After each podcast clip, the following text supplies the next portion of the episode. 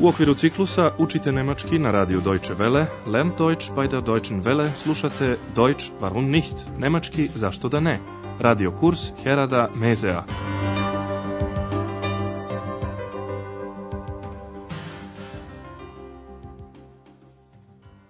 Liebe Hörerinnen und Hörer, Dragi slušalci, danas ćete iz naše druge serije slušati 12. lekciju pod naslovom sa studijama je sve u redu.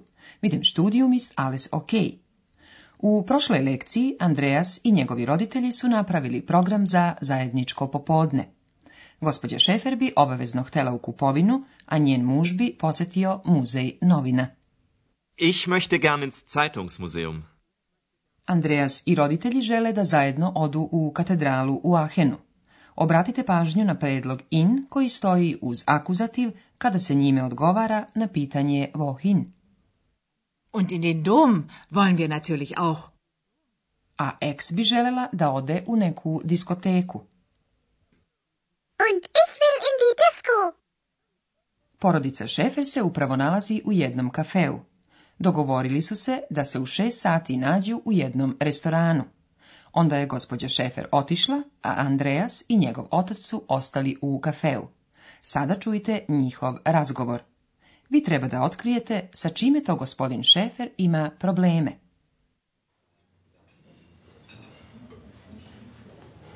Also, bis später. Tschüss. Tschüss, bis um sechs. Na, wie geht es dir? danke, mir geht es gut. Und euch? Der Mutter geht es sehr gut. Und dir? Auch gut, aber ich habe Probleme. Probleme? Ja. ich habe Probleme mit dem Computer. Du hast einen Computer? Da kann ich dir bestimmt helfen. Meinst du? Bestimmt. Jeste li pogodili sa čim gospodin Šefer ima probleme? On ima probleme sa kompjuterom. Saslušajte sada još jednom ovaj razgovor. Kada je gospođa Šefer otišla, njen muž je upitao sina, pa kako si? Na, wie geht es dir? Andreas je dobro, pa odgovara hvala, dobro. Danke, mir geht es gut. Andreas je i sam upitao oca kako je njemu i majici, a vi? Und euch? Gospodin Šefer je najpre rekao kako je majka, muta, majka je dobro. Der Mutter geht es sehr gut. Gospodin Šefer iza sebe konstatuje da je dobro, ali je dodao da ima probleme. Na Andreasovo pitanje otac je odgovorio da ima probleme sa kompjuterom. Imam probleme sa kompjuterom. Ich habe Probleme mit dem Computer. Andreasa je najpre zapanjilo to što njegov otac ima kompjuter. Du hast einen Computer? Andreas je ubeđen da može da pomogne ocu. Pa tu sigurno mogu da ti pomognem. Da kann ich dir bestimmt helfen. U nastavku razgovora se radi o Andreasovim studijama, studijum i o njegovom poslu. Vi treba da otkrijete šta Andreas namerava da učini. Und du, Andreas? Was macht dein Studium? Mit dem Studium ist alles okay. Und? Was machst du gerade? Ich mache bald eine Reportage über Aachen. Ach, das ist schön. Schickst du uns dann die Reportage? Bestimmt. Und wie geht's mit der Arbeit? Gut. Die Arbeit gefällt mir. Und mit Frau Berger? Die ist wirklich sehr nett. Ja, das finde ich auch. Wollen wir jetzt ins Zeitungsmuseum gehen? Ja, gern. Trebalo je da otkrijete šta Andreas namerava da učini. On namerava da uskoro napiše reportažu o Ahenu. Saslušajte još jednom pažljivo ovaj razgovor. Gospodin Šefer je najpre upitao Andreasa za njegove studije. Kako tvoje studije? Was macht dein Studium? Odgovor je umirujući. Sa studijama je sve u redu. Mit dem Studium ist alles okay. Andreas saopštava ocu da će uskoro, bald, napisati reportažu o Ahenu. Uskoro ću napisati reportažu. Ich mache bald eine Reportage über Aachen.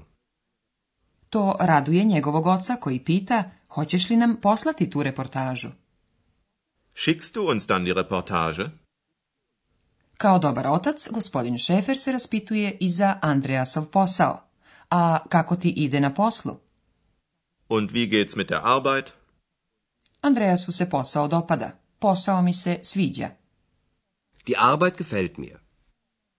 Gospodina Šefera zanima još i kako se Andreja slaže sa upraviteljkom hotela. A sa gospođom Berger? Und mit Frau Berger? I za nju Andreas ima samo fine reči. Ona je zaista vrlo ljubazna. Die ist wirklich sehr nett. I njegov otac to potvrđuje rečima. Da, tako se i meni čini. Ja, das finde ich auch. I zatim obojica polaze u muzej novina, a mi ćemo vam reći nešto više o dativu zamenica.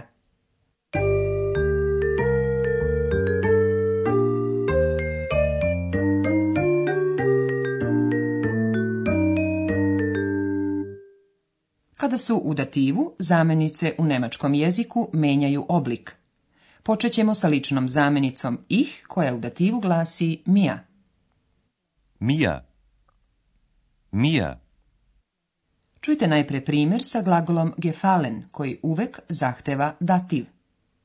Die Arbeit gefällt mir. Lična zamenica du u dativu glasi dia. Dir. Dir.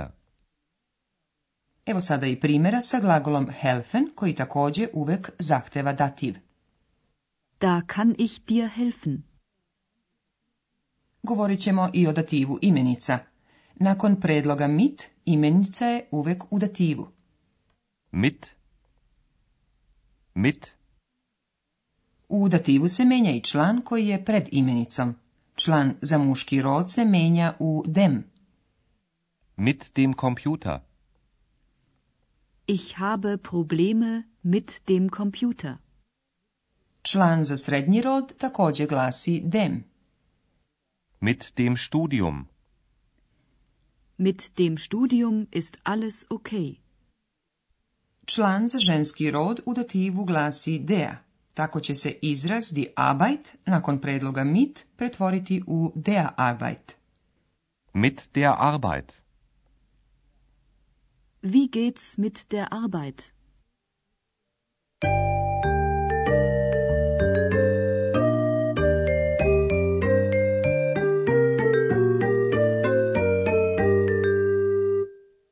Za kraj još jednom saslušajte sva tri dijaloga.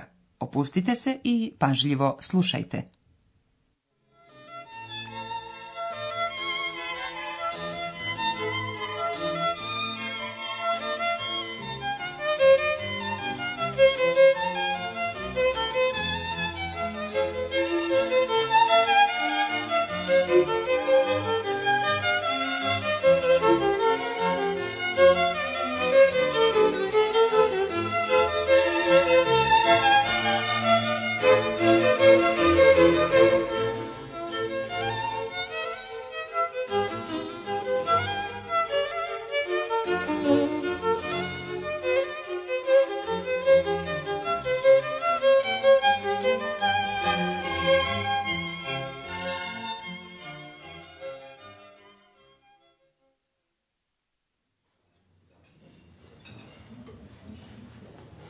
Also, bis später. Tschüss. Tschüss, bis um sechs.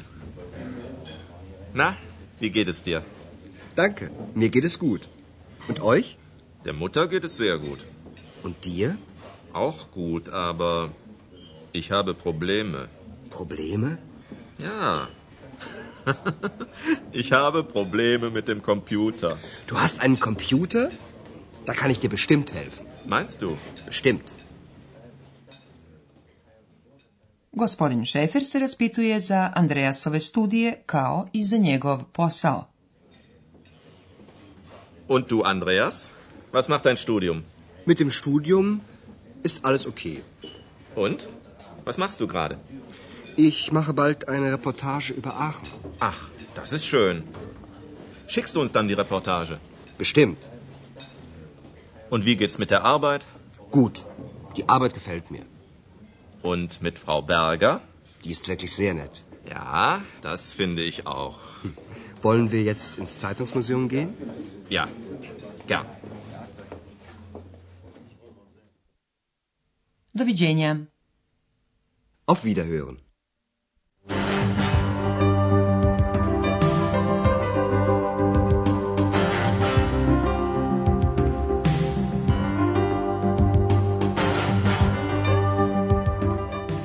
Slušali ste radio kurs Deutsch warum nicht u produkciji Radija Deutsche Welle u saradnji sa Goetheovim institutom u Minhenu.